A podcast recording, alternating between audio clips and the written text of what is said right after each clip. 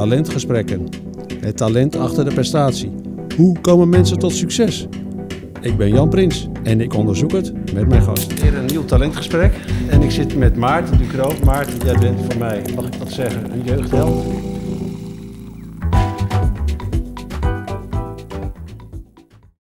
Maar het was voor mij ontzettend goede leerschool uit mijn iets wat linksige PPR-nest GroenLinks voor de oudere, de jongere kijkers onder ons.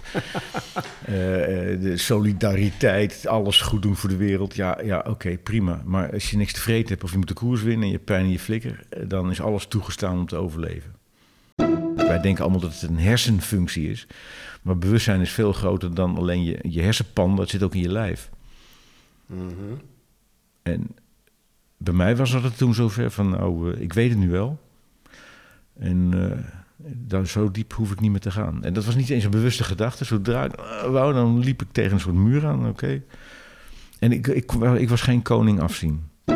Ik werd een pion in het spel van Raas en van Priem. En ik had geen respect meer voor die mensen, hoe die leiding gaven. Dat, kom op, zo ga je met mij niet om. Met, zo ga je met niemand om. Ik trek nog een blik Belgen open, die doen tenminste wat ik zeg. Oké, dus ik ben een, alsof ik een tennisbal in een blik ben. Ik ben een pion in een spel van iemand anders. Overigens, zo wordt het bedrijfsleven op dit moment gerund. Ja, ja. Functiegebouwen met taakpakketten, met uh, uh, competentieprofielen. En dan moet jij dan inpassen. Alsof je ja. door een frietsnij gaat. Je bent een ding geworden. Daarom raken alle mensen overspannen. Afijn, ik merkte toen al, dit is niet leuk. En heel veel mensen de heden ten dagen, als ik dit verhaal vertel, die zeggen, ja, maar daar word je toch voor betaald? Ik zeg, ja, nou precies. Dan zijn je wel je ballen eraf. Ik weet niet of je het door hebt. En die één kloterige dingetje, als je ballen eraf zijn, die groeien nooit meer aan. zijn ze er, als ze er één keer af zijn, zijn ze er voor altijd af. Dus je moet ze echt, je moet goed op ze passen dat ze er aan blijven zitten. Want echt, eens eraf, altijd eraf. Ja. Je moet je ziel niet aan de duivel verkopen. Je moet zelf als mens in zo'n hectiek waar jij de levensgrote risico's loopt, moet jij je verantwoordelijkheid kunnen nemen. En dat is wat anders dan te doen wat er gezegd wordt. ik zeg, oh, je denkt toch niet dat ik hem ga vasthouden voor je? Hij zegt, nee, liever niet. Hij zegt, hoe gaan we dat doen? Hij zegt, we zetten Gert Jacobs, die blijft bij mij in de buurt. En Gert Jacobs is wel zo'n hulpverlener. Je hebt een lage behoefte aan hulp verlenen, zien we dan. Uh, maar dat wil niet zeggen dat je mensen niet helpt, maar je wil ze dan vooral helpen om zichzelf te helpen. Dat is zeker. Presteren van binnenuit zat er op mijn vrachtwagen al 30 jaar mijn, uh, ja. mijn payoff als organisatieadviseur. Het, er moet iets bij, als er niks in jou is wat uh, aangewakkerd kan worden, dan ben je ook niet te helpen. En er is altijd iets, maar wat dan? Dat is de vraag. Dus we gaan op ontdekking. Waar ben jij nou in gemotiveerd? Ja. Dat is een ontdekkingstory. Mensen denken allemaal, je kunt motivatie erin stoppen. Je kunt mensen motiveren. Nee, ze zijn al gemotiveerd. De vraag is alleen waarin. Wat, wat ik leuk vind aan dit verhaal is ook hoe wij het nu gebruiken, is dat je betekenis gaat geven. Wat is het verhaal erachter, achter die score? Ja. En dat doordat je mij die bril opzet, over dat hulpverlenen moet nadenken. En dan tot een conclusie kwam die zonder jouw meetinstrument. Kijk, ik ben oude snar, snar, zak. Ik heb over mezelf nagedacht. En ik ken mezelf redelijk. Uh, maar op deze manier had ik er nog niet naar gekeken.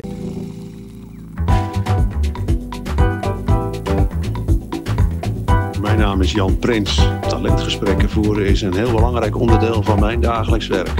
En daarom sta ik helemaal achter de volgende boodschap. Hoe mensen ontwikkelen en coachen. Samenwerking en performance verbeteren.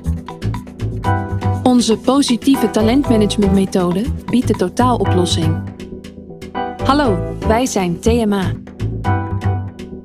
Nieuw talentgesprek en ik zit met Maarten Ducro. Maarten, jij bent voor mij, mag ik dat zeggen, een jeugdheld. Uh, toen nou, jij uh, jeugd, ja. je, je, je etappe in de Tour de France uh, won van 1995, zat ik gekluisterd voor de tv. En ik was in mijn eerste etappe had ik een monsterontsnapping gedaan en die was mislukt. Sterker nog, ik was op mijn bakkers gevallen toen het peloton over me heen kwam gewalst. Oh, ja. En een paar dagen later dan had ik het slimmer aangepakt, hoewel ik bijna de slag had gemist. Het waren drie weg en ik wist, daar moet ik bij zitten, maar ik vind dat ze wel erg vroeg gaan. Dus ik had tactisch gekoerst, niet zo dom als met die monsterontsnapping. En toen ben ik met Theo de Roy naartoe gereden en uh, toen kon ik hem winnen. In eh, een solo van 10 kilometer. Dus dat was Ah, geen Dat monsterontsnapping. was niet een monsterontsnapping. Nee, nee, maar ja, hebt- maar het is ook de essentie van wielrennen is eh, flikken of geflikt worden. En eh, ja, je, ben- je bent elkaars medestander. Samen kan je 60 per uur, in je eentje kan je 40. En dan moet je echt verduiveld goed getraind zijn. Ja. Dus je tegenstanders zijn ook degene van wie je profiteert. Ja. En de profiteren probeer je natuurlijk zo lang mogelijk door te drijven. En je eigen krachten zo min mogelijk aan te spreken. Nou, dat, alles is toegestaan om te verdoezelen dat je nog reserves hebt. ja. En eh, daar, daar zijn... Dat is eigenlijk het linkerballen. Dat hè? is het Dus linkerballen. doen als je Oh, beter ik heb zo'n pijn en ik ben, eh, ik ben slachtoffer van weet ik veel wat. En, oh, en, ik kan, en, en, en dan hoop je dat iemand anders daarin trapt. Ja, ja. En dan hoef je minder inspanning te leveren. Ja, En dat komt je natuurlijk aan, bij de finish komt je dat weer goed van pas. ja. Dus wie nooit zal linkerballen is bijvoorbeeld een Mathieu van der Poel. Of- nou, nee, ja, nou, nee, nee, ho, ho, ho. Eh, Mathieu heeft, eh, dat noemt hij zelf tactisch koersen. Ja? Hij heeft echt koersen verloren door de tactiek los te laten. De, de etappe, de, de, de prijs-Roubaix die Colbrelli won... was alleen maar omdat hij niet linkerbalde en Colbrelli wel. eh, in dat smerige weer. Ja. En hij heeft nog eens een keer de Ronde van Vlaanderen van Asgreen verloren omdat hij Asgreen al had gelost op de, op de Koppenberg. Hij denkt, nou, die pak ik wel in. Ja. En Asgreen zegt, ja, ik kan niet meer, ik ben al gelost op de Koppenberg. En, eh, ik, en, nou, Van der Poel deed al die trappen extra, omdat, Ja. hij, omdat Ja. hij min of meer Maar dan is geloofde. hij toch iemand die juist niet linkerbal, die daar een paar keer is ingetrapt bij. hij is bij erin de getrapt, linkerballen. maar hij, hij heeft dus daar lesgeld voor betaald. En bijvoorbeeld afgelopen Ronde van Vlaanderen kwam dat bijna duur. Dus hij zegt, ik ga daar een beetje in dat gedrang rondrijden. Ik ga aan het laatste wiel zitten, ik zet mijn ploeg om me heen. En mocht er iets zijn, dan rijden zij het wel dicht. Nou, dat hebben ze ook echt moeten doen. Eh, dus hij is tactisch is hij niet een hoogvlieger, maar hij kan het wel. En hij heeft daar zijn ploeg heeft hij echt van geprofiteerd. En er zijn trouwens wel meer momenten hoor, dat hij, eh, dat hij echt zegt, van, dan, dan verliezen we maar met z'n allen. Maar iedereen zit nu naar mij te kijken. Ik, ik, ik doe niet als jullie eh, niet ook iets doen. Ja. En dat is, ja, dat, je, je moet niet naïef zijn, laat ik het dan maar zo zeggen. Ja. Van der Poel is inderdaad een slechte linkerballer. Die, eh, als je die erbij hebt, dan weet je, die doet zijn werk wel. Ja, dat maakt hem natuurlijk ook juist zo'n mooie rennen. Ehm, ja, Maarten, jij bent zelf een wielrenner en zoals we horen ben jij wel heel... Jij bent twintig jaar lang ook commentator geweest hè, bij, de, bij de NOS. Dus Ja. alle wedstrijden, die heb jij eh, eigenlijk eh, verslagen. Ehm, wat ik leuk vind aan, aan vandaag is dat jij bent ook van opleiding ben je eigenlijk sociaal psycholoog. Ja. Ja. Ja. Dus jij was ook in jouw tijd als wielrenner Was ik in opleiding? ja, maar je was misschien toch wel een wat typische wielrenner. Het waren weet- toch heel vaak, denk ik, Ik- die boerenjongens, maar het waren niet altijd gestudeerden. Nee, eh, dat klopt. Ehm, net zoals eh, ik zit nu in de paarden, heb ik voor hele leven van gedacht: van, ja, dat is voor de rijke mensen. En, eh, en eh, weet ik veel wat. En, eh, en golf en zo, dat soort. En hockey, dat is allemaal niet voor mij. Dat is, eh, Ja. dat is voor de upper class. Ja. Ja. dat blijkt toch iets genuanceerder te liggen. Nou, was bij het wielrennen ook. En er is echt wel een, een stroom, instroom geweest van. meer burgerjongetjes, zoals ik. En, en niet alleen maar de boeren, fabrieksknechten. En, en dat, heeft, dat heeft me eigenlijk meer nadeel opgeleverd dan voordeel. Want ik, ik werd de professor genoemd. Ja, En in het linkerballen werd erop gezinspeeld van... nou, du Ducro die, eh, die kan wel goed eh, boeken leren... maar van, van de koers snapt hij niks. Wat ook zo was, want ik ging ervan uit... dat eh, iedereen zijn werk wel eerlijk zou doen. En de eerste keer dat, dat ik geflikt werd door een van de liefste mensen die er bestaat... dat is Renier Hassink. Daar heb ik nu nog contact mee. ja. De m- allerliefste aardige man die er bestaat. Zijn broer Arie, daar, die maakte alle koersen onveilig bij de amateurs. Door de boel naar hun hand te zetten. Nou, dan rijd ik niet op kop, dan wint mijn broer wel. Nou, dan rijd ik wel. eh, Dus Ja, die, ja. die, die onderhandelen onderweg. Ja, natuurlijk, je hebt maar een beperkt vaatje energie. En als dat opraakt, dan moet je dus wel slim mee omgaan. En ik ben echt door Reinier Hassing meer dan schandalig geflikt. En dan ging ik verhaal halen. Stond ik de Maar ceremonie protocolair te verstoren. Die, die, die boerenslimheid, Ja, dat is, dat is eigenlijk linkerbal. Boerenslimheid. En daar zit ook echt een domme kant aan. Nou, als ze het niet zien, ja, dan heb ik het niet gedaan. Hè. Ja. Ja, Een beetje wat de politici nu, het is ook doorgedrongen tot bij de politici eh, op dit moment. Het bestuur van ons land. Is dat echt zo? Waren ze in Groningen echt al door de grond heen aan het zakken? Waren er scheuren in? Nou, en heeft de regering toen niks gedaan? Nou, wat zat ik daarbij dan? Nou, ik weet van, nou dat. En Pieter Omzicht moest hij dan, nou dat, dat is linkerballen. Ja, dus lach wat er dat maar om. Ja, nee, dus, Er zit ook een kwaaie kant aan dus, hè? ja. Het is niet alleen maar goed. nee, het is weglopen voor je verantwoordelijkheid en eigenlijk... Dat, dat is ook in de koers. Want, Eh, Als, je in de koers, ja, als ja. jij in de koers iemand hebt die jou geflikt heeft, dan weet het hele peloton dat jij degene bent die die ander geflikt heeft. En dat kan twee kanten op gaan. Oh, maar dat is ook een, een dommerik. Dus dat mag verdient ook dat hij dat geflikt wordt. Zo keken ze een beetje naar mij. Van, nou, dat is zo'n vreemde eend in de bijt. Die, komt, die gaat een beetje van ons brood eten. Kom op, hé. En ah, geflikt. Ja, ja, ja, ja. Dus ik heb snel bijgeleerd. Maar als jij eh, je niet aan je woord hield, eh, dat je echt de boel oplichtte en consequent je werk niet deed in de kopgroep en dan wel probeerde de sprint te winnen. Zoals we nu een Ecuadoriaan hebben rondrijden, die eh, moet je nog maar eens aan Thomas de Gent vragen. Die, die heeft trouwens nu een etappe gewonnen eh, in de Giro, toch nog, door weer niet op kop te komen en dan toch die etappe te winnen. Ja. Nou, het hele peloton weet één ding, met die laaienlichter moet je nooit naar de streep rijden. Die wint ook nooit meer een koers, vertel ik je nu. Dus je moet wel, een, het zit een gentleman's agreement ja, dat hoort onder. er ook bij. Ja, dus je mag linkerballen, maar binnen... Binnen de marges. Je moet af en toe ook te betrappen zijn op, hey, die doet, wat, die doet zijn werk. Die is niet naïef, hij draagt bij, maar hij is niet gekke gerritje. Ja.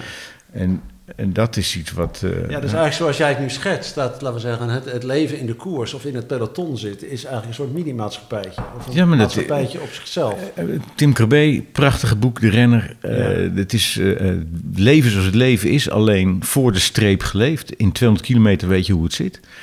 En het is super duidelijk. In het, in het leven doe je een stropdas voor. En eh, eh, dan praat je met twee woorden en zeg je netjes dank u wel. Maar eh, het gaat dus wat verdekter. Ja. Maar het was voor mij ontzettend goede leerschool uit mijn iets wat linksige PPR-nest GroenLinks voor de oudere, de jongere kijkers onder ons.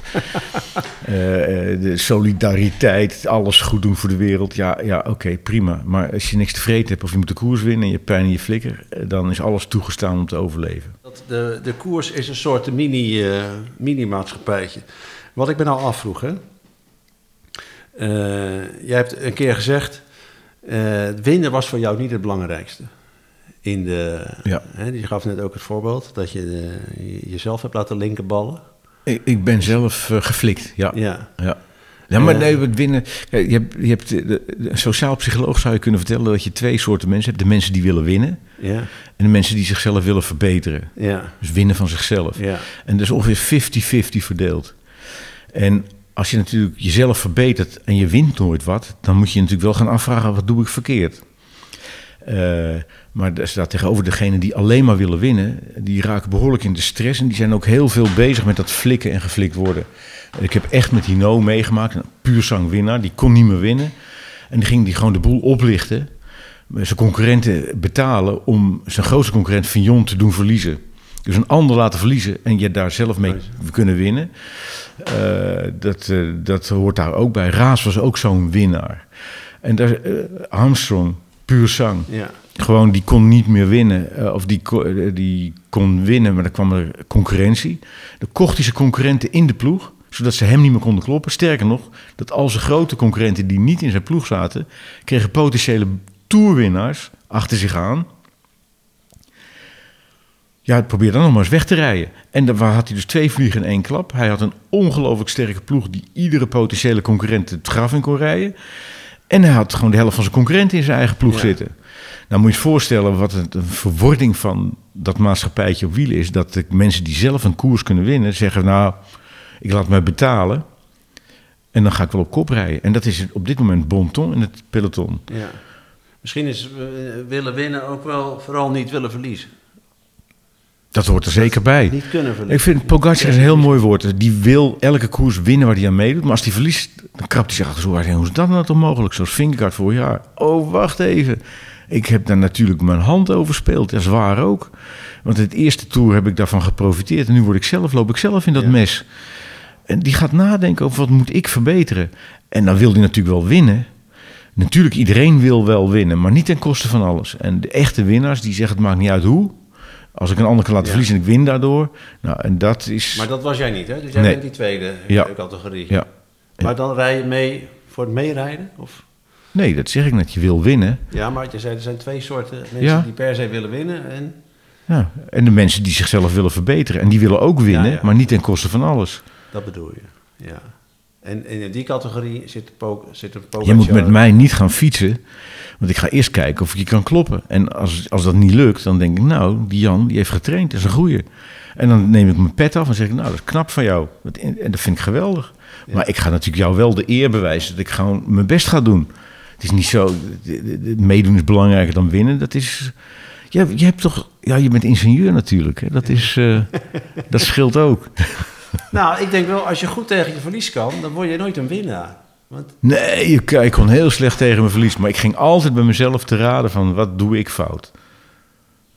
Ja, dus dat is de manier om jezelf te verbeteren. Ja. Maar ehm, als je gewoon leuk vindt om mee te doen, als je lol hebt in het fietsen, als je lol hebt in het in Ja, in maar dan word je, dan, dan word je, dan word je geen profuurrenner. dan word je geen prof. Nee, dus Dan dat wil zeggen, jij zegt nee, eigenlijk, dan als je in, in het peloton, Dan wil je excelleren. Kom op, hé. Je Ja. eh, wel, eh, natuurlijk wel gewoon de beste zijn. Ja. En, eh, maar niet ten koste van alles. Jan Raas heeft over jou gezegd, ehm, als ik jouw poten had, Ah, ja, dan had ik nog meer gewonnen. had ik nog meer gewonnen. Ja. Ja, het, het leuke was, Raas die eh, had de gave van het vuur aan te kunnen steken.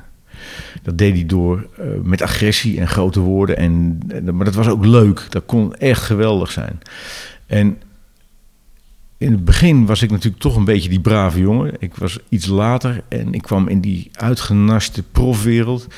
Met een spraakwaterval als Kneteman, eh razerswinnaar, Priem die alles bestuurde. En ik keek daar toch mijn ogen uit en ik was ook best wel geïntimideerd. Je moet toch even wennen aan zo'n zo'n wereld. Ik had de plaatjes van Mozer aan mijn muurtje hangen in mijn slaapkamer. En in één keer reed ik naast hem en Checo die ging eh, audiëntie houden. En ik, ik reed echt naast hem van, ik rijd naast Checo, weet je. Oh, oh, oh. En, eh, eh, en daar, daar heb ik, ik heb daar wel een tijdje over gedaan... voordat ik echt gewoon de koers zelf ging lezen. Ook met het oogmerk van, nou, hier wil ik gewoon wel even een puzzel leggen.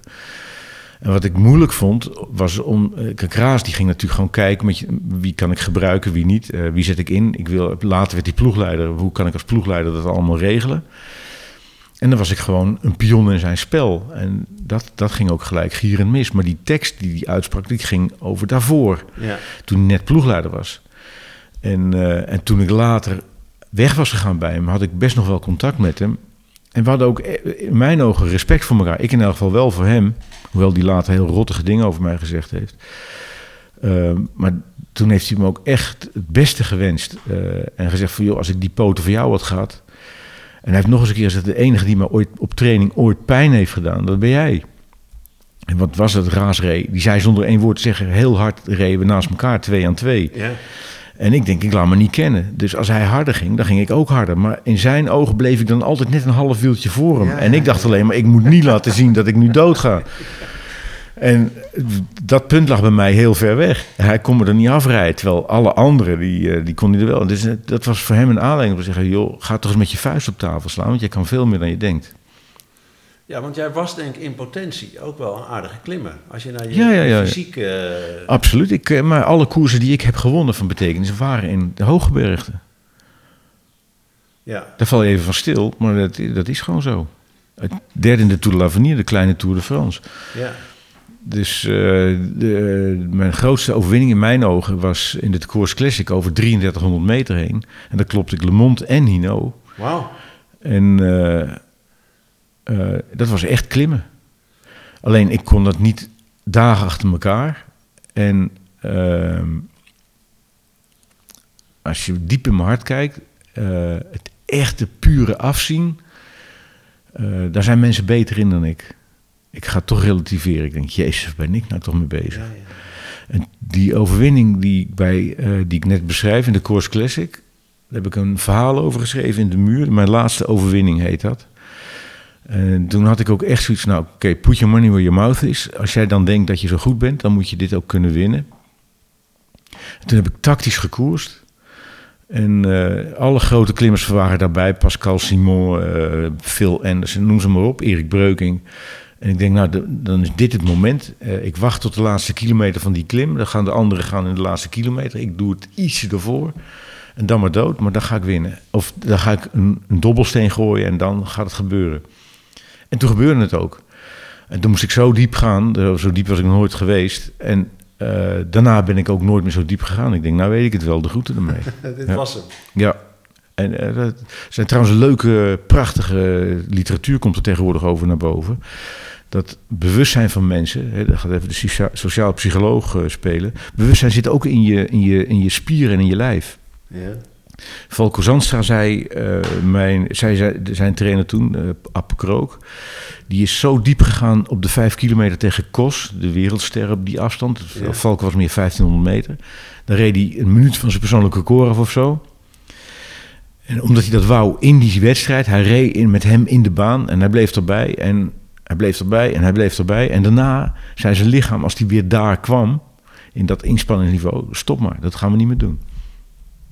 Dat wordt dan overgenomen. En dan denk je, dat doet iemand anders. Nee, jouw bewustzijn is ook in jou. Daar is trouwens wetenschappelijke literatuur komt er nu over naar boven. Wij denken allemaal dat het een hersenfunctie is. Maar bewustzijn is veel groter dan alleen je, je hersenpan. Dat zit ook in je lijf. Mhm. En bij mij was dat het toen zover van, nou, ik weet het nu wel. En eh, dan zo diep hoef ik niet meer te gaan. En dat was niet eens een bewuste gedachte. Zodra ik eh, wou, dan liep ik tegen een soort muur aan, oké. En ik, ik, ik was geen koning afzien. Nee, Het moest wel leuk blijven.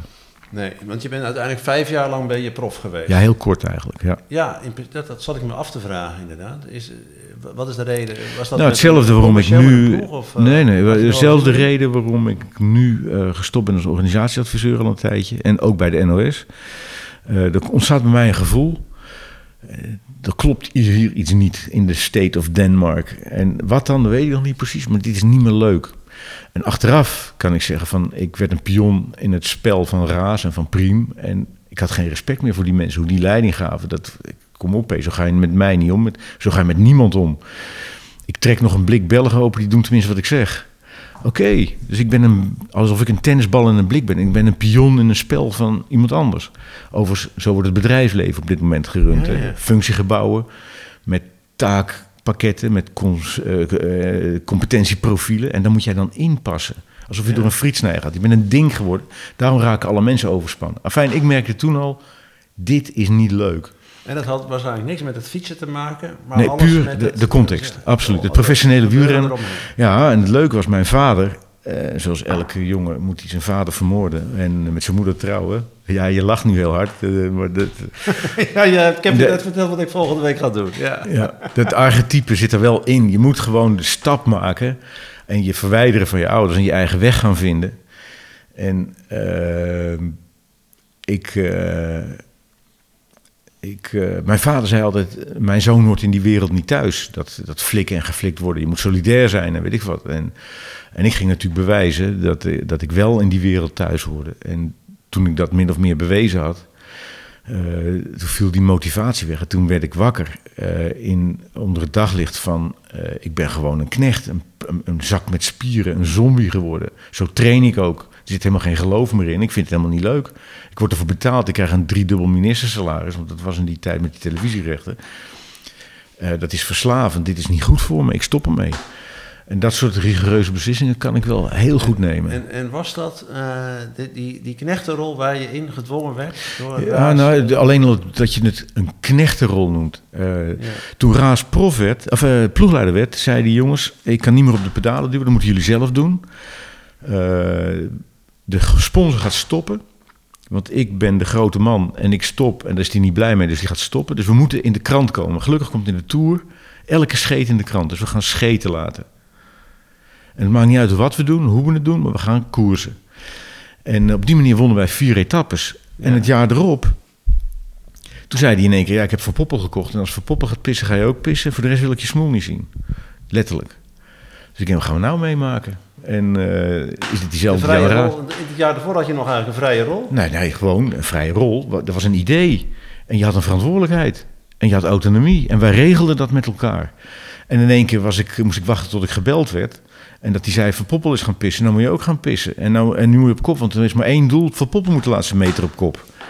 En heel veel mensen de heden ten dagen, als ik dit verhaal vertel, die zeggen, ja, maar daar word je toch voor betaald? Ik zeg, ja, nou precies, dan zijn je wel je ballen eraf. Ik weet niet of je het door hebt. En die één kloterige dingetje, als je ballen eraf zijn, die groeien nooit meer aan. Zijn ze er, als ze er één keer af zijn, zijn ze er voor altijd af. Dus je moet ze echt, je moet goed op ze passen dat ze er aan blijven zitten. Want echt, eens eraf, altijd eraf. Dus, en je moet je ziel niet aan de duivel verkopen. Je moet zelf als mens in zo'n hectiek waar jij de levensgrote risico's loopt, moet jij je verantwoordelijkheid kunnen nemen. En dat is wat anders dan te doen wat er gezegd wordt. Ja. En dat is waar ik het over heb op de televisie, tekentafelwielrennen. En eh, dat, dat begint een beetje uit de hand te lopen. Je ziet, het is een maatschappelijk fenomeen geworden, waarin de controle op mm, Ja. hoe mensen doen en zodat we de gewenste uitkomst krijgen, dat is, dat is fenomenaal geworden. Terwijl waar het om gaat in het leven is dat je er met elkaar doorheen leeft.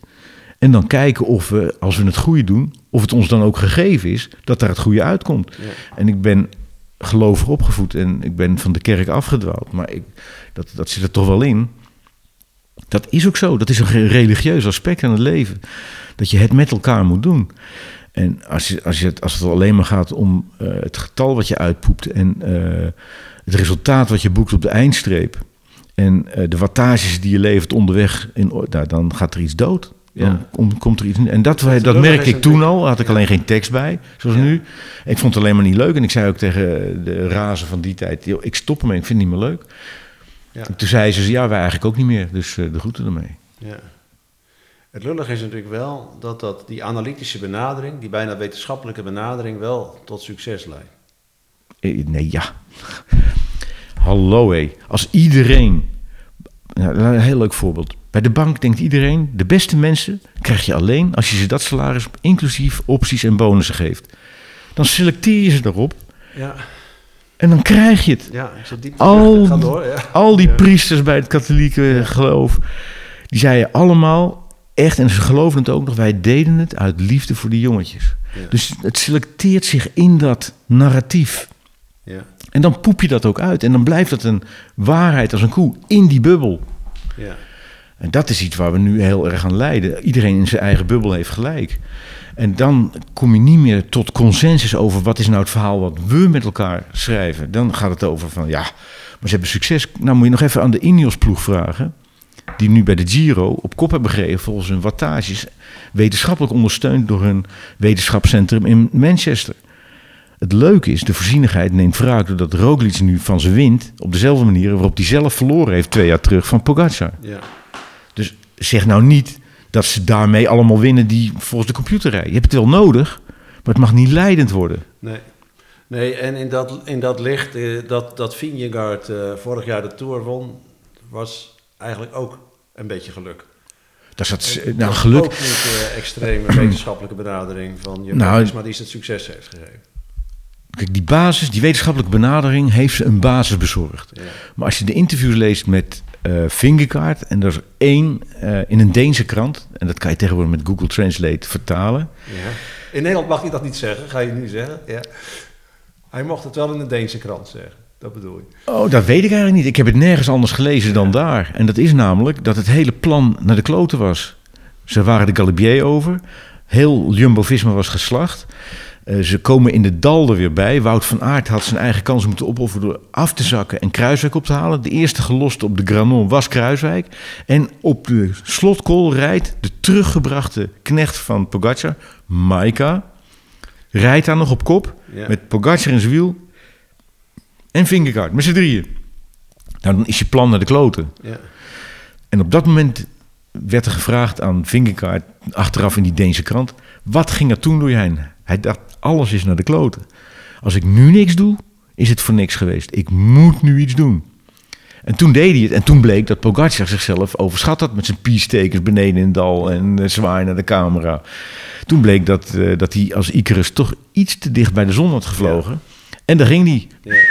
En, dat, Uh, en wat, jij zegt eigenlijk, dat specifieke punt stond niet in het plan. Nee. Het plan En was eigenlijk al weg. En toch Het- deed hij het. En Maar dat is het leuke aan het leven. Dat is het leuke aan koersen. Het is precies wat je zegt. Het, koers is leven. En Fingerkaart leefde daar doorheen en denkt, nu is mijn moment. En hij pakte het. Wat een grootheid is dat. Ja. Dat mannetje was een week daarvoor of twee weken daarvoor nog een spartelend eentje eh, op de kasseien. Waarin hij met een te grote fiets en lek en Ja, allemaal ja, paniek. En nu deed hij in één keer iets. Kennelijk had hij dat nodig gehad om op te staan. Hij, was, hij stond op. Nou, ik heb echt staan applaudisseren. Ik, er- ik werd er emotioneel van.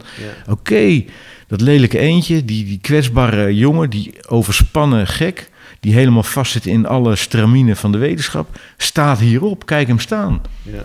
En dat, en de rest is geschiedenis, dat vind ik prachtig. Ja. En nu de aankomende tour gaan we. wel, want ik ga helemaal met je mee, maar ik kan me toch wel voorstellen dat, laten we zeggen, hoe hij is eh, geholpen vanuit de Jumbo-Visma, hoe die ook, hoe die ook psycholoog, psychologische hulp heeft gehad om van dat Ja, talentvolle lelijke eentje.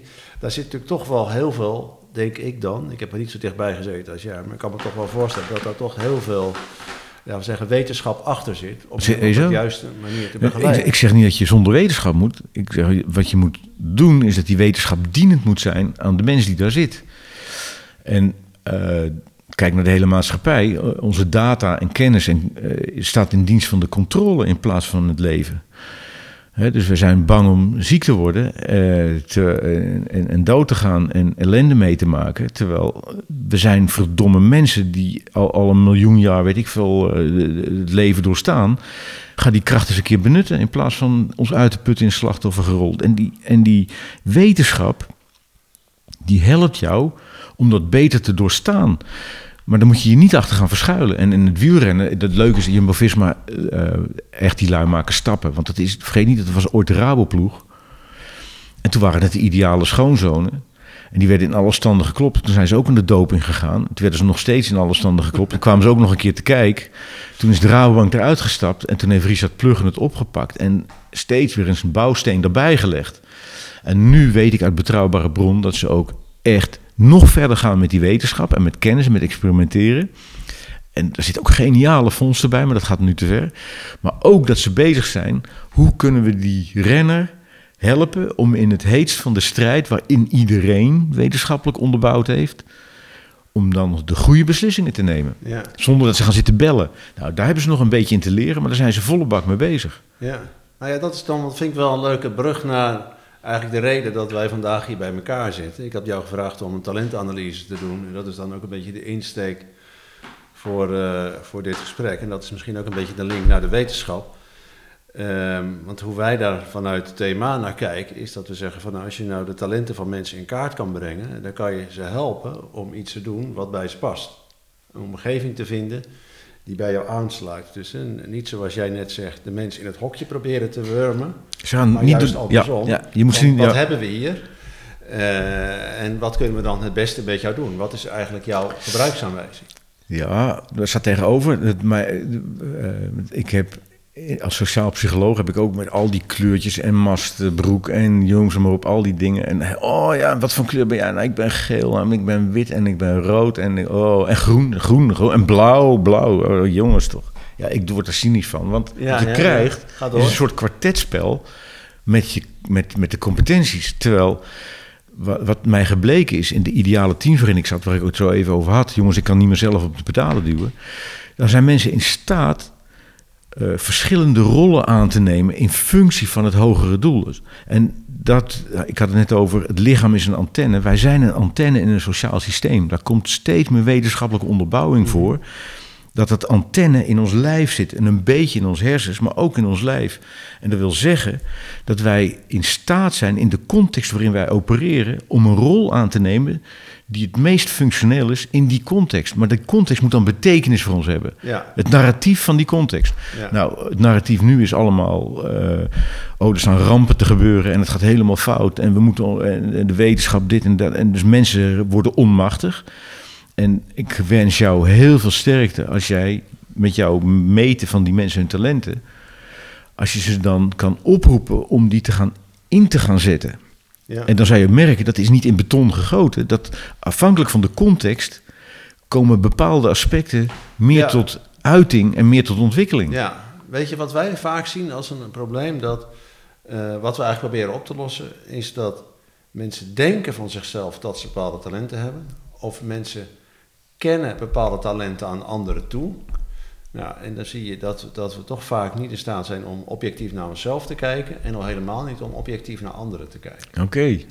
En En dan ken ik mijn eigen uitslag al van de... de eh, ja, Dus, eh, even kijken, wat, wat- voordat ik dit invulde, wat had ik... Ja, ik heb al die testen gedaan. Ja, ik, bij, je hebt de, bij- ik ben die Bristol, die, die Myers-Squibb ding. Myers-Briggs. Myers-Briggs, daar ben ik wel redelijk fan van. omdat Ik, ik ben een EFNP, eh, dus een extravert, eh, weet ik het wat.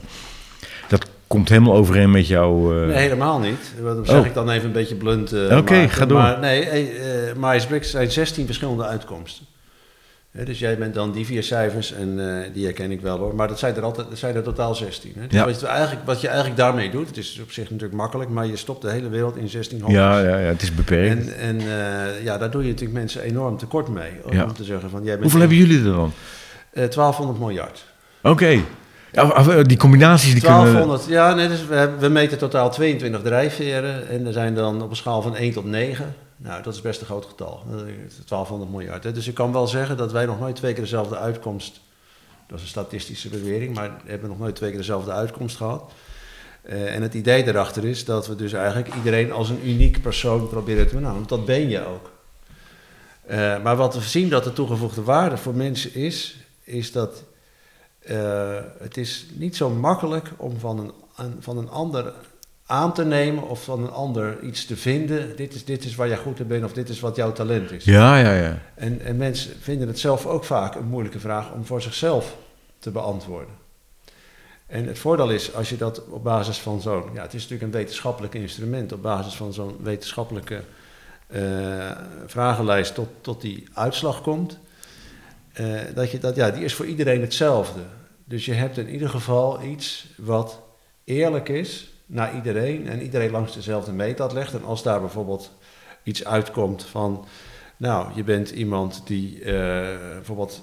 eh, Neem mij eens als voorbeeld. nou, dat kunnen we wel doen, hè? dat is ook de aanleiding voor vandaag natuurlijk. Eh, jij bent iemand die, nou laat ik eentje nemen, die, die, die ik heel opvallend vond aan jou, is dat je een hele lage behoefte hebt om mensen te helpen. Dus jij scoort dan, zeggen wij, laag op hulpverlening. Ik geef ze een schop onder een reet. Ja, ja maar dat wist ik van mezelf. Ja, nou ja, tuurlijk. Dat, dat weet je van je. Nou, jij, weet het dus, je herkent dat. Nou, dat is al, eh, dat is al heel mooi. Maar dat het zo extreem was, wist ik weer niet. Bijvoorbeeld, ja, dat is, dan, dat is dan een van de dingen die je eruit kan Maar even, eh, voordat de mensen denken... oh, die Ducro Helle, die steekt nooit zijn handen uit de mouw. Vertel eens, hoe zit dat? Nu- Nuanceer dat eens even. Lig het eens toe. Nou, eh, dat heb je eigenlijk net zelf gedaan. Hè? Eh, je, je, hebt, je hebt ons net ver- ver- verteld waarom je eigenlijk al na vijf jaar afscheid hebt genomen van, van de ploeg van Raas. En wat ik jou hoorde zeggen, was dat jij in een krechtenrol werd gestopt waar je eigenlijk helemaal niet in wilde zitten. Ja. Dus jij moest, je, jij moest jezelf eigenlijk ten dienste stellen van Van Poppel. Ja. En eh, nou ja, dat, No way. dat helpt. Absoluut nul. Ik, ik denk meer dat jij zou denken van... ehm, tegen Jean-Paul heet hij geloof ik, hè? Jean, Ja. Tegen Van Poppen. Dat jij tegen ons... Ik wil jou best helpen om een betere sprinter te worden.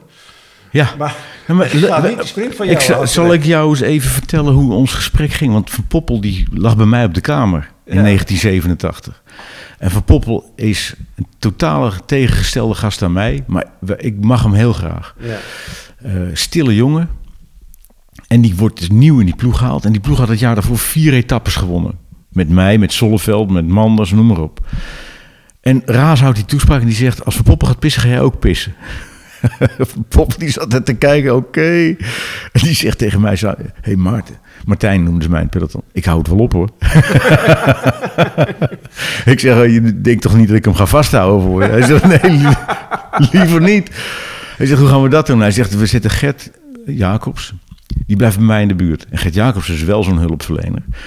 Eh, Gert kon... vers- ik denk, ik ken niemand die zo hard met een fiets kon rijden als Gert Jacobs. Ja. Daar kan ik voorbeelden van geven. Dat geloof je gewoon niet.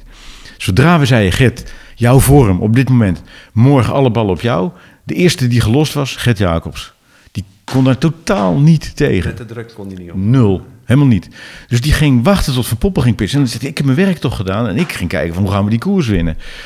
Dus ik zeg, nou, dan blijft, dan blijft Jacobs bij jou. En dan gaan we in de laatste 25 kilometer houden we met Ludo Peters overleg over... gaan we die sprint of gaan we dat tussendoor uitsnappen of wat ook. Maar dat was natuurlijk een beetje tegen de stalorders in. Ja. Dus Jelle Nijdam, die op die manier 11 etappes had, ging winnen... die zegt, nou, voor Poppel, hoe is het? Ah, Jelle, als jij eh, er vandoor kan in de laatste kilometer... be my guest, ik zit toch wel klaar. Dus, maar dan krijg je tegen de orders in. Dus je krijgt een beetje een halfbakken poging... Jelle niet op de foto. En Van Poppel wint die sprint niet. Dus Raas. En Raas als godver hier en potver daar. En als je nog... En Jelle, nou ja, maar... En als je had pastoor moeten worden... dat je daar kunnen gaan uitleggen in de kerk. Oprotten en dit. Nou, echt niet normaal. Dus ik s'avonds weer bij Van Poppel. Dus ik had daar wel overleg over. En er zijn talloze voorbeelden waarbij ik me uit de naadfiets rijd, help in het belang van het geheel. Maar niet omdat ik gewoon knecht ben. Ben jij nou helemaal belazerd? We gaan kijken hoe we die koers kunnen winnen. En de ene keer ben jij het, de andere keer ben ik het. Hoe spelen we die bal elkaar toe? En daar ben ik echt in staat me weg te cijferen. Daar heb ik ook zat voorbeelden van. Ja. Maar zeker in deze tijd waarin het slachtofferschap zo eh, uitgewoond wordt. eh, en dat, misschien vind je dat terug in mijn meting, anders heb ik het ook wel ingevuld. Ik ben daar echt recalcitrant van. Ja. En eh, dat ik me ook een beetje terug heb getrokken op deze boerderij. Dat moet ik nu om gaan zetten in hulp. Voor mensen die willen leren paardrijden. Maar ik moet echt een aanloop nemen. Want ik ben echt, echt sociaal bewogen op wat, er- in deze tijd plaatsvindt nu. De, de armoede, de, de kracht die we hebben, hoe die ontkend wordt. De liefde die wij hebben voor elkaar als mens, hoe die ontkend wordt in, in dat heilloze gecontroleer en slachtoffergedrag. En is er nog iets waar we bang voor moeten zijn? En kunnen we dat niet gaan controleren? Man, ga er eens doorheen leven. Dat lossen we echt op met elkaar. En dat is, dat is helemaal weg. En, daar, dat, en, dat, en daarom vind je dat ook terug in die score. Ja, nee, dat is mooi, hè? want eh, je hebt een lage behoefte aan hulp verlenen, zien we dan. Eh, maar dat wil niet zeggen dat je mensen niet helpt, maar je wil ze dan vooral helpen om zichzelf te helpen. Dat is een zeker. Presteren van binnenuit zat er op mijn vrachtwagen al 30 jaar mijn, eh, Ja. mijn payoff als organisatieadviseur. Het, er moet iets bij, als er niks in jou is wat eh, aangewakkerd kan worden, dan ben je ook niet te helpen. En er is altijd iets, maar wat dan? Dat is de vraag. Dus we gaan op ontdekking. Waar ben jij nou in gemotiveerd? Ja. Dat is een ontdekkingstocht. Mensen denken allemaal, je kunt motivatie erin stoppen. Je kunt mensen motiveren. Nee, ze zijn al gemotiveerd. De vraag is alleen waarin. Ja, Nou, en, en, Ja. en ik ben heel goed, weet ik, dat zei ik voor dit gesprek, ik ben heel goed in het bemoedigen van mensen in die ontdekkingstocht. ja. Probeer dat nou eens gaan. Maar dat is misschien ook wel waar het mis is gegaan bij, bij Raas. Want als Raas jou meer op jouw talent had aangesproken. Ja, nee, maar Dan dat had je is, het misschien ja, oké. ja, wa- eh, de- het, het, ik- het is heel erg goed gegaan. Het is super goed geweest voor mij, mijn ontwikkeling, om Raas meegemaakt te hebben en in het wielrennen mee te hebben gedaan. Ja, en te weten dat. Maar ik heb echt achter de schermen gezegd: als ik nu in deze tijd de kennis had gehad, tot mijn beschikking had gehad, die er nu is. En als er dan ook leidinggevenden waren geweest Toen bedoel je. ja, als dat toen was nu ge- toen. Ja, oh man, dat was smullen geweest. De trainingsmanier, de, de, de, de, de kennis die er is, het is waanzinnig. Het materiaal om je vingers bij af te likken. Eh, je ziet nu ploegen. eh, ik vind echt eh, de ploeg van Mathieu van der Poel. Daar zitten de gebroeders Roodhoofd. Die heb ik echt bevraagd hierop. En eh, natuurlijk hebben die ook hun gekte, maar die zijn zo goed bezig op het persoonlijke vlak. Het moet allemaal kloppen op dat wetenschappelijke stuk, op het materiaal. Dat, maar dat is license to play. Dat is niet het doel op zich. Zonder dat doe je niet mee. Ja. Als een bank zegt, ja, wij willen professioneel zijn en nummer één, ja, lul, anders doe je niet eens mee. Je bent professioneel en anders is het afgelopen. Oké, maar je bent professioneel en nu?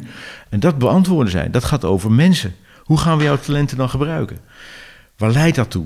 Dat betekent dat we nu een keer voor Van der Poel gaan en dat jij je op moet offeren. Daar had ik geen moeite mee. Daar heb ik nooit moeite mee gehad. Als er maar een verhaal is. Maar zonder verhaal, ja, hallo, eh, Van Poppen gaat pissen. Ja, eh, dat, hey, hou op man. Dat werkt zo niet. Bij sommige mensen wel. Bij een heleboel mensen wel.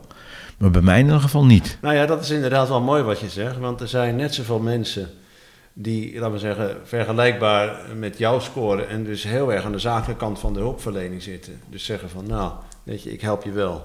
Eh, maar om vooral om jezelf te helpen. En wat jij volgens mij letterlijk, moet ik even opzoeken, vond ik een hele mooie uitspraak. Waar je zegt van, je moet wielrenners vrij laten, zodat ze zichzelf kunnen ontdekken. Ja, dat is, is- jongen, je zit met, je- met je vingers tussen de deur, constant. De pain cave. En dan wordt in één keer duidelijk wat voor, uit wat voor hout je gesneden bent. Ja. Je zit in het donker, je zit iedereen. En nu gaan we. Adje Wijnals, prachtige ploegmaat van me. Die zei erover van eh, als iedereen helemaal stuk zat, dan was ik altijd degene die dacht van, dan ben ik zeker de enige die pijn leidt. En dan hoorde je van achteruit Adje, wie demareert is weg. die had, de, de grap is geniaal. Dus iedereen is in de kloten en nu maken we de wielrenners. Nu gaan we Ja. koersen. Dun loop je door de broek en nou gaan we toch iets verzinnen. Ja, daar- dan, dat is kunst. Dat is voordat je dat kan. Pijn hebben en oké, dat is pijn. Het is een, het heeft een, een, een, gra- het is een gradatie van masochisme. Ja. Ja, je moet Maar naar die pijn toe. goed- er zijn net zo goed, eh, net zoveel mensen die, laten we zeggen, helemaal aan de andere kant van het spectrum staan. Dus die het wel heel fijn vinden om anderen te helpen. Niet, nog, niet eens omdat die mensen hulp nodig hebben, maar omdat je er ook een heel fijn gevoel van kan krijgen. Als Ja, iets voor ja, ik heb drie zussen die in de verpleging zitten. Die hebben alle drie dat narcistische complex. Ja, ik zou het niet narcistisch willen noemen. Het is gewoon, dat kan je, je kan een heel fijn gevoel krijgen van Ja, maar ik, anderen. ik scoor niet voor niks een 1 op, eh, op eh, helpen. Ja, Of een min 10, wat is het? nee, je scoort gewoon. ik vind, het al die hulpverleners zijn narcisten. Kijk, mij, eh, zes ton voor een open hartoperatie, zes voor een hartchirurg. Want ik ben de mensen aan het redden. Zo niet op, ze vreten zich helemaal vol. Ze zijn voor 80% te zwaar. En dan ga jij de open hartoperaties op loslaten. Ja, ik zou ja, wat ja, beters ja. te doen hebben. Ja, ja. Ik zou een slechte Ja, dokter zijn. Ik zou zeggen tegen je, weet je, ga eerst maar eens 100 kilo afvallen. Dan, dan ga ik eens kijken of ik eh, jou nog een keer op mijn operatietafel ga leggen. Ja, ja, dat is een Dit kan je er wel uitknippen, maar goed. Nee, ik, ik kan me helemaal voorstellen dat je dat. en Mensen hebben ook een eigen verantwoordelijkheid Ach man, om, om daar iets. dat wordt zo ontkend tegenwoordig. En dat maakt ons zo zwak als mens. Ja.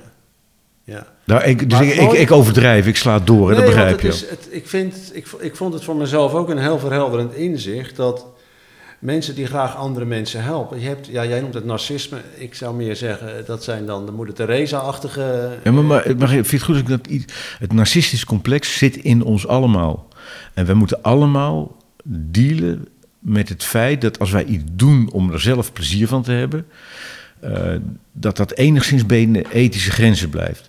Nou, eh, eh, ik heb in ziekenhuizen geadviseerd. Dan Ja. kan ik je toch bij deze vertellen dat de puinhopen die daar is, organisatorisch, eh, in ego's, in onveiligheid op de werkvloer, in gebrek aan leiderschap, is één grote uiting van het narcisme van de heilige dokter. En daar neem ik geen woord van terug. Geen woord. Ja, Laat ze maar komen. ja. Ja, ja oké. Ja, ik, je valt helemaal stil, zie ik. Ja, ik, ik, ik, ik vind... dat Ja, je praat met een 1, een min 1 praat je nu. Nee, maar daar gaat het niet, zeer, niet Oh. zozeer om. Ik vind meer egoïstisch. Kijk, Oké, alle drijfveerscoren zijn in de basis. Het is je eigen behoefte die je wilt vervullen. tuurlijk. Jouw behoefte is om anderen niet zozeer te helpen, maar ze de weg te wijzen. Ja, of en- en mijn- zichzelf te helpen. Mijn narcisme zit erin dat ik wil zien dat die andere zijn verantwoordelijkheid Voilà. pakt, omdat ik hem de weg heb gewezen. Ja. Ja. Even, en dat hebben mijn paarden me al een paar jaar geleden verteld. Hé, hey, boerenlul, je bent zelf de ergste. Oké. ja, dat vind ik nog wel interessant, want we hebben heel veel over wielrennen gehad. Ja, maar dat narcisme Ja. zit in ons allemaal, dat bedoel ik. Ja, ja, maar dat vind ik nog wel leuk om daar nog even op, op door te pakken. Want eh, je bent wielrenner geweest, daarna ben je twintig jaar lang commentator geweest. Dus jij weet natuurlijk van alle Maar er koersen. zit, er zit een hiatus in van 15 jaar. Hè? Ik ben 15 jaar organisatieadviseur geweest. Nee, ik ben 35 jaar organisatieadviseur geweest. En 15 jaar helemaal niks met wielrennen te maken gehad. Nul. Keek niet eens. Nee. Nee, en hoe, hoe deed je dat? Want daar kwam je wel binnen als Maarten de ex-wielrenner, of was dat helemaal... Ik, ben, eh, ik zat op Texel in 2004 en toen belde, ze, belde Mart Smeets. hey, eh, moet jij niet eens een keer... Ik zeg, eh, hoezo dan? Ik, heb altijd, ik, ik, ik schreef toen af en toe een column voor de Volkskrant. En toen had ik de kachel aangemaakt met die journalisten. Die natuurlijk niks van het wielrennen begrepen, vond ik. En Passage du Gois was het dieptepunt. Dat was in 1998. Toen stuurden ze het peloton over de Passage du Gois voor het plaatje, voor het toeristische plaatje. Het Ja. Passage du Gois ligt onder water, twee derde van het etmaal. En als het bloot ligt, dan is het zo glad als, als ijs. Oké. En de peloton gaat er gewoon in de finale overheen. Daardoor wint Lance Armstrong zijn eerste... Nee, dat is, dat is niet waar trouwens. In 98 was de Tour de Dopage. Nou, in elk geval... eh, was het later? Ik, het is alweer zo lang. Ik was zo boos. Die renners vallen zich daar helemaal dood op de basaltblokken van die dijk. Passage du. En, eh, en de journalisten hebben het over een valpartij. En, dit, eh, nou, en ik was laaiend. Heb ik een, een column geschreven over...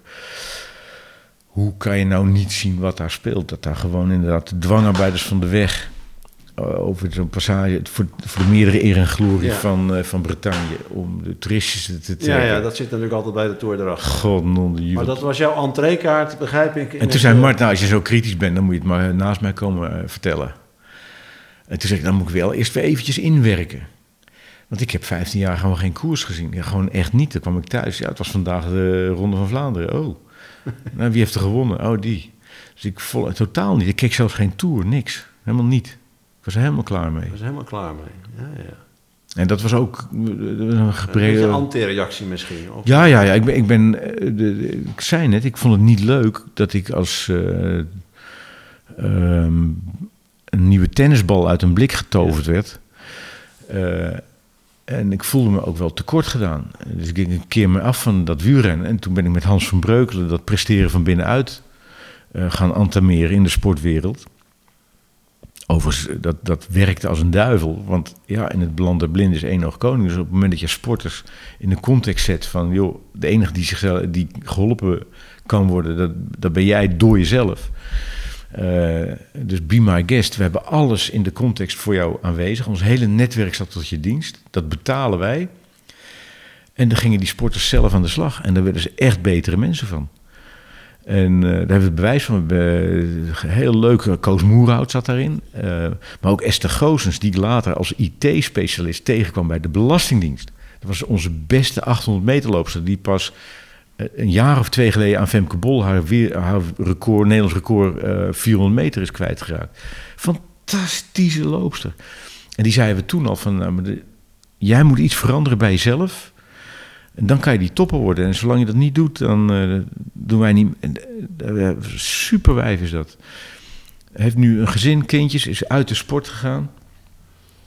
En dus als je mensen op hun, in hun kracht zet, zoals het heet, dan kan het ook wel eens zijn dat ze andere beslissingen nemen. Ja. Dat ze weggaan uit een bepaalde situatie.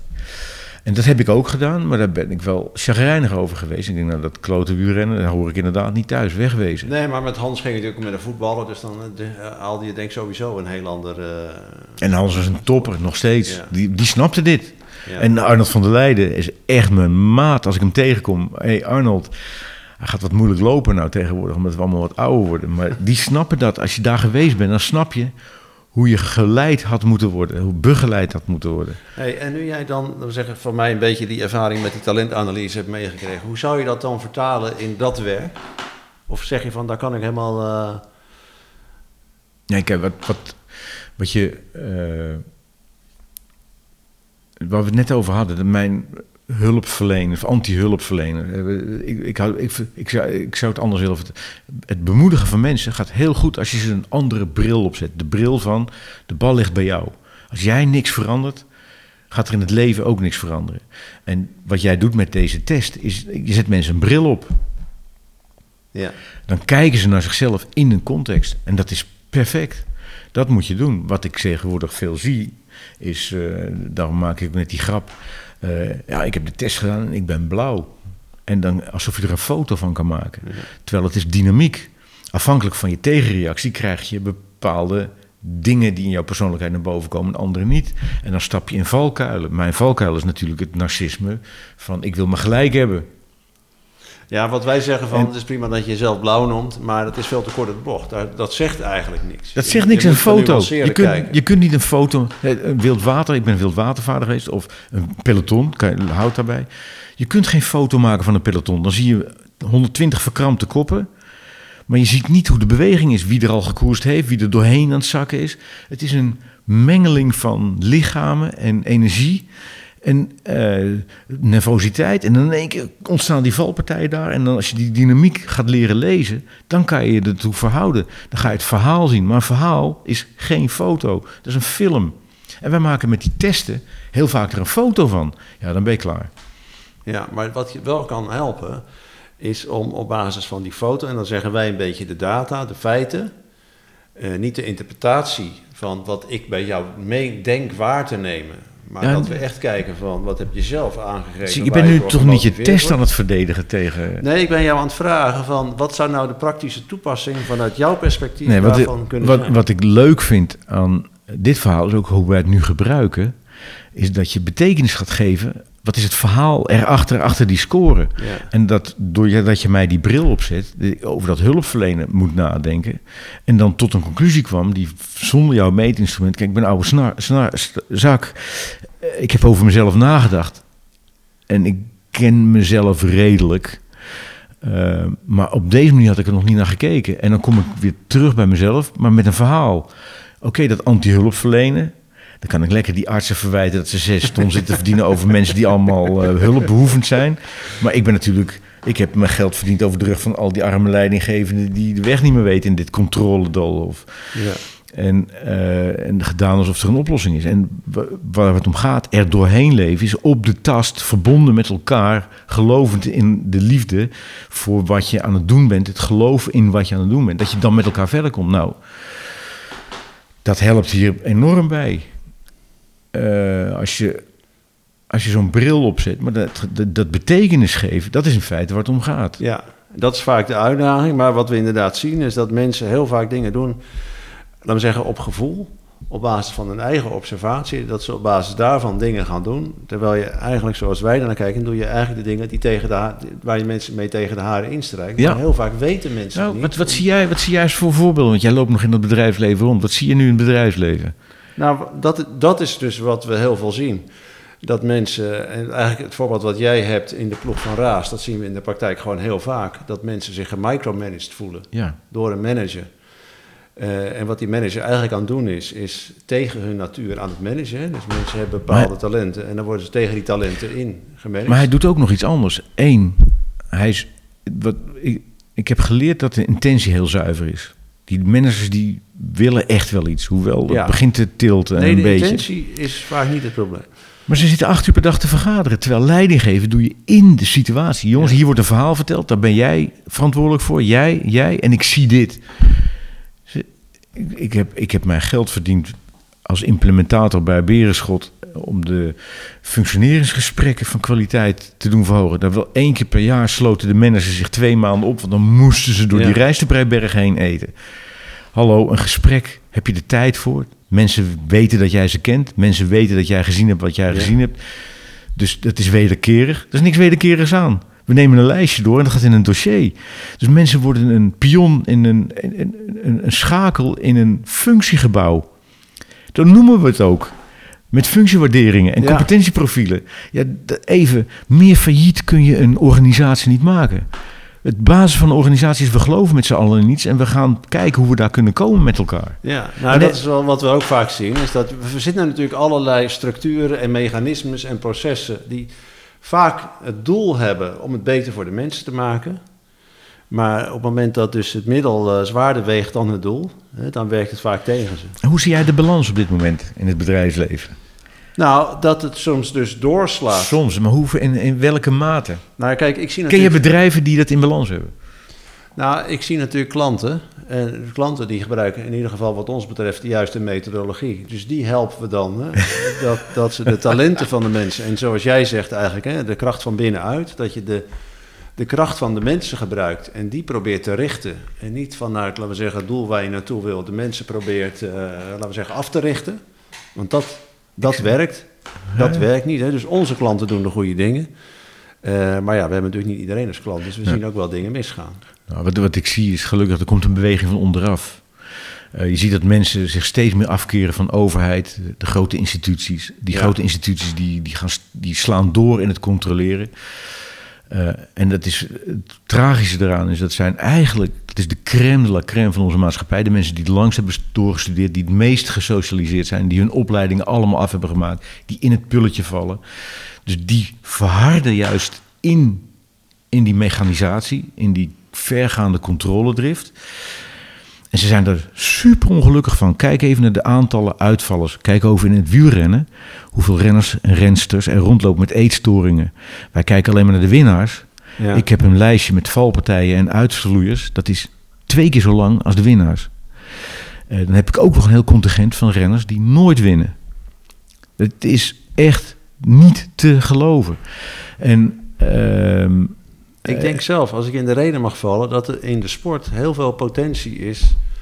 Er wordt heel veel gefocust op, laten we zeggen, je fysieke prestaties. Hè? Want daar draait het in de sport om. Maar het mentale aspect eh, wordt, denk ik, nog veel te weinig meegenomen. En als het al wordt meegenomen, dan, dan gaat dat te veel, vind ik, op een, eh, laten we zeggen, observatiebasis. Hè? Dus te, te weinig daar ook een analytische benadering eh, in op losgelaten. Een goede observatie. Dat klopt. Wat je ziet is dat het eh, als een onderdeel in de prestatiecurve wordt gezien. Terwijl in mijn ogen is, oké, fysiek moet je trainen. Maar er zitten een paar basisdingen in. Bijvoorbeeld Ja. die VO2 max, die, die, die fluctueert een beetje. Maar dat is voor jou een, een, een DNA gegeven, zeg maar. Ja. En dan kan je een beetje in upplussen met, eh, met trainen. En voeding is tegenwoordig cruciaal. Wat ze daarmee kunnen is onvoorstelbaar. Het begint naar doping te neigen.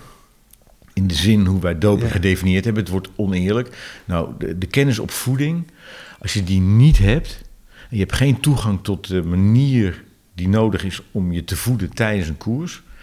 eh, dan doe je niet mee. Nee. Dus daar zit al ongelijkheid in in competitie. Ik zeg geen competitie voor valsing, want een beter materiaal hebben, een betere Nee, tactiek hoort er allemaal bij. Ja. Dus we hebben net als onze lieve heer die zegt, nou, je mag overal van snoepen, maar niet van die boom. Nou, zelfs onze lieve heer lukt het al niet, maar wij als mensen denken dat het wel lukt. En Nietzsche zei al, God is dood. De mens heeft het overgenomen. Dus ik vind het heerlijk dat dat al honderd jaar geleden gezien werd. Dat wij die maakbaarheid te ver doorvoeren. En wij denken het mentale aspect regelen we ook even. Nee, dat fysieke, dat moet je helemaal regelen. En dan heb je het nulpunt bereikt. Dat is voor iedereen hetzelfde. En dan hebben we allemaal hetzelfde vertrekpunt. Maar nu, hoe wordt het verschil gemaakt? Ja. Het verhaal wat je jezelf vertelt. Daar gaat alles om. Nou, en dat is misschien ook waarom Van der Poel en, en Pogacar, de voorbeelden die je net geeft, andere renners zijn. Dan, ehm, dat, daar, daar zit het verschil in, denk ik. Ja, dat, eh, dat klopt zeker. De, de, Ja, eh, overigens, de, de- de een is niet beter dan de ander. Ieder heeft zijn eigen verhaal dus. Van Aert gelooft heilig in zijn data. Heeft Van Aert ook de positie die kan zeggen van... eh, en ik wil die koers rijden en daar moet hij mij... en, dan moet en die gaat gewoon invullen. Eh, ik wil hem er dan wel fijntjes op wijzen dat hij qua fysiek... maakt hij mij op mij de indruk dat hij beter zou moeten zijn dan Van der Poel. Ik ken die data niet precies, maar hij- Van Aert, het is onbeschrijfelijk wat hij als atleet kan. wat die kan, ja. is echt niet normaal. Dat is Merks eh, op zijn Maar minst. je, maar dan gaat het verschil. Hij verliest alle grote ontmoetingen met Van der Poel, omdat hij Ja, dat, geprogrammeerd benadert. Denk ik, wat mooi is van, van talentmanagement, fysiek kun je dus, qua eten kun je het eigenlijk allemaal uitmanagen. Maar wat je niet kan doen, is eh van aard, laten we zeggen, mentaal herprogrammeren. Nou, En, eh, nu- mag ik dus je nu- ja. Van Aert moet het doen met zijn persoonlijkheid. En, en laten we zeggen, Ja. zijn concurrent van de Poel met zijn persoonlijkheid. En ik denk dat de taak van jou of als van, van, van de coach of je begeleider daarin is... eh, daarop bouwen. Ja, en, en nu, nu komen we op een discussiepunt. Eh, Ik eh, rij inmiddels paard. Ik heb een paardrijschool. Daar heb ik voor moeten studeren. Ik, ik zit er 15 jaar in en ik heb de laatste vijf jaar echt gestudeerd, waarvan vorig jaar eh, echt met examens en alles erbij. En er zijn twee soorten ruiters. En het gaat over begeleiden van levende wezens. Zie het levend wezen, het paard, als een instrument waarmee je je doelen kan halen daarmee controleer je alle aspecten die bij zijn prestatie komen kijken. Wat je dan ziet, is daar worden geen tot weinig fouten gemaakt. Ja. Je krijgt uitmuntende ruiters. De van aards van deze wereld. En je hebt ruiters die zeggen... ik moet het doen met dit levenswezen. Dat heb ik ten alle tijde te respecteren. Ja. En ik begeleid hem volgens een... En, eh, dat, dat is wetenschappelijk ook bewezen. De ontwikkeling naar topniveau gaat volgens vaste fases. Jij wordt geboren, je krijgt tandjes, je stopt met broeken scheiden... je gaat een partner vinden je gaat in, en je gaat dood. Dus voor iedereen allemaal hetzelfde. Alleen de uitwerking van die fases is uniek. Wat is het verhaal wat je daarin schrijft? En begeleiden door die fases heen. Als je dat kan, dan, heb je, dan krijg je een levend wezen wat mee gaat doen, wat tevoorschijn gaat komen. En dat tevoorschijn is wat anders dan de prestatie controleren. Ja. En daar zitten fouten in. Daar ontstaan fouten. Dus je ziet die ruiters fouten maken. Maar als dat paard mee gaat doen en zijn verantwoordelijkheid gaat nemen, nou, dan komt er iets tevoorschijn. Dan zijn al die andere ruiters geslacht. Ja. En jij bent van die tweede lijn. Ja. Ja. En ik zeg, niet, ik, ik zeg eigenlijk wel, die twee lijn is beter. Maar ik moet ruiterlijk toegeven dat die eerste lijn heeft de van aards van deze wereld. En dat is ook om je vingers bij af te likken. Ja. Dus het een is niet beter dan het andere. Maar ik vind die tweede doet een veel grotere aanspraak op mijn gebrek aan hulpverlening, mijn talent. ja. Eh, en Maar dat is het talent, hè? Je moet niet zeggen gebrek aan hulpverlening, je moet zeggen mijn talent. is... Zakelijk noemen wij dat. Dat je er op een zakelijke manier naar kijkt. Ik heb het gevoel dat ik helemaal niet zakelijk naar mijn paard kijk. Ik ben één groot watje als het om mijn paard gaat. Hoewel, nee, dat... Oh nee, hou op. Dat, als, het, als die dit hoort, dan zegt hij ja, ja. En gisteren moest ik nog dit en toen moest ik nog... Dus wat ik geleerd heb... Mag ik, mag ik voorlezen? Ja, Eh, mag zelf, ah, ja, ik, zal het voor, ik zal het je voorlezen. Dat moet ik eigenlijk altijd doen in de podcast, dus dat ga ik nu ook even doen. Was het al bijna vergeten. Daar komt ie. Het ken, hoe we jou, laten we zeggen, kenmerken, dan omschrijven dat talent laag op hulp verlenen, talent zakelijk. Gaat sterk uit van de eigen verantwoordelijkheid en zelfredzaamheid van anderen. Zakelijke instelling. Biedt eerder service als daar iets tegenover staat. Bewaakt het eigen belang. Houdt soms minder rekening met de behoeften van anderen. Mogelijk meer egocentrisch. Delegeert van nature. Draagt snel taken over. Niet genegen om anderen als vanzelfsprekend bij te staan. en ik zie, dan, dan zit het toch... Dat, daar ben ik het helemaal niet mee eens. Nee, was er al bang voor. Knippen we eruit dit? Waarom? Nee, gaat horen was er. Nee, maar ik, ik- als er een verhaal is, ga ik juist volle bak meedoen. En dan help ik iedereen. Ja, Maar iedereen weet ook dat mijn vrouw zegt van, eh, ja, dan ligt de lat zo hoog. Dat is dan weer wel, eh, Ja. dat gemouw, daar kan ik helemaal niet tegen. Dat Ja. is, eh, de, ik, ik ben alleen, en, en dat, dat moet ik me aan laten opereren. Als er iemand, als er een slachtoffergeur omheen gaat hangen, ja. ja, dan word ik hels. Maar eh, als ik hem eh, afbreek, of laten we zeggen, decom, nou in ieder geval in zin opbreek, ik denk deze wel, hè, gaat sterk uit van de eigen verantwoordelijkheid en Dat, daar, daar, gaat, daar gaat het die om. is het helemaal. Als je die kan aanboren, Ja, En daar ben ik goed in. Er is altijd een plek die helemaal van jou is. En daar zit het. En, en, en je daarover verbazen. En dat, en, daar, en, dat, en dat blijkt ook altijd. Dat geen betere voorspeller van toekomstig gedrag dan huidig gedrag. Als je dat allemaal afpelt, dan zie je daar ook verschijnselen van. Ja. En je kunt mij er heel goed bij hebben, want ik ga volle bak mee aandrijven. ja. Alleen en inderdaad zomaar ook- gaan helpen. Van is hier nog wat? Oh, dan ga ik even helpen. Dat, is, dat klopt inderdaad. Dat eh, doe ik niet vanzelfsprekend. Nee. nee, wat wel zo is, kijk, dit is laten we zeggen eendimensionaal, maar wij kijken er altijd tweedimensionaal naar. En, en jij hebt twee, laten we zeggen, wat wij dan neutraliserende talenten noemen. En één daarvan is je, je empathie. Ja, zie je wel. Ik ben hartstikke empathisch. Ik voel gelijk hoe die empathisch. ander zit. Ja, nee, maar dat is... Ik schop hem wel onder zijn en- ballen. En je andere is dat je, dat je ook hoog scoort op verantwoordelijkheid. Dus dat is wat je eigenlijk zegt met dat verhaal. Als dat, als dat verhaal er is en het spreekt je aan, dan denk je van... hé, daar wil ik het voor doen. Ach, en dan ga ik volle Dan, dan kom je er wel bij. Ja, en en, nou, en nou. het tweede element is inderdaad die empathie. Dat je wil je wel graag aan die ander verdiepen. Dus als een ander hulp nodig heeft... dan Ga- weet je wel dat hij er... eh, dan, dan weet je A, dat hij er is. Hè. Je sluit daar niet de ogen voor. En als je er verantwoordelijk voor voelt... dan ga je die hulp ook geven. Ja, hè, hè, gelukkig. Maar ja, is- daar het is- herken ik hem weer in. Het is niet Heb dat jij, we van. zeggen, een goed gevoel krijgt. Dat je zegt, nou, er was iemand die had dit of dat en die heb ik nu eens lekker geholpen. Ik heb, eh, ik heb een zus in de verpleging. En eh, die weet het altijd zo te draaien. Ze gelijk en er is veel onrecht in de wereld. En dan moeten de Ducro's natuurlijk voor op de bres.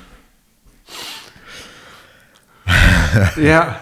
En dan komt zij natuurlijk niet alleen in de wereld tegen, maar dat uitzicht dan ook in haar baan. Hé, hey, dat is gek. Dat uitzicht ook in haar huwelijk. Goh, dat is gek. Ook in de opvoeding van haar kinderen. Ja. Je ziet constant, en dat ga ik natuurlijk vertellen. Ik kan daar niet omheen kijken. Nee. Dus ik zeg van, ik vind het hartstikke zielig dat verhaal, maar het is één groot lulverhaal, want zo zit het. Zal ik je even kijken, daar, daar, daar, daar. En als ze daar niet in meegaat, dan zeg ik het nog een keer. Dan schrijf ik een brief, dan schrijf ik het helemaal uit voor haar. Ben ik volle bak mee bezig. Ah, dat is goed dat je dat zegt. En maar zie je komen paarden en alles. Maar ik ga niet eh, mee in het gemekker. Nee. Maar dan gaan we er een eind aan breien. Want jij bent al twee keer gebeld en mijn batterij is bijna leeg.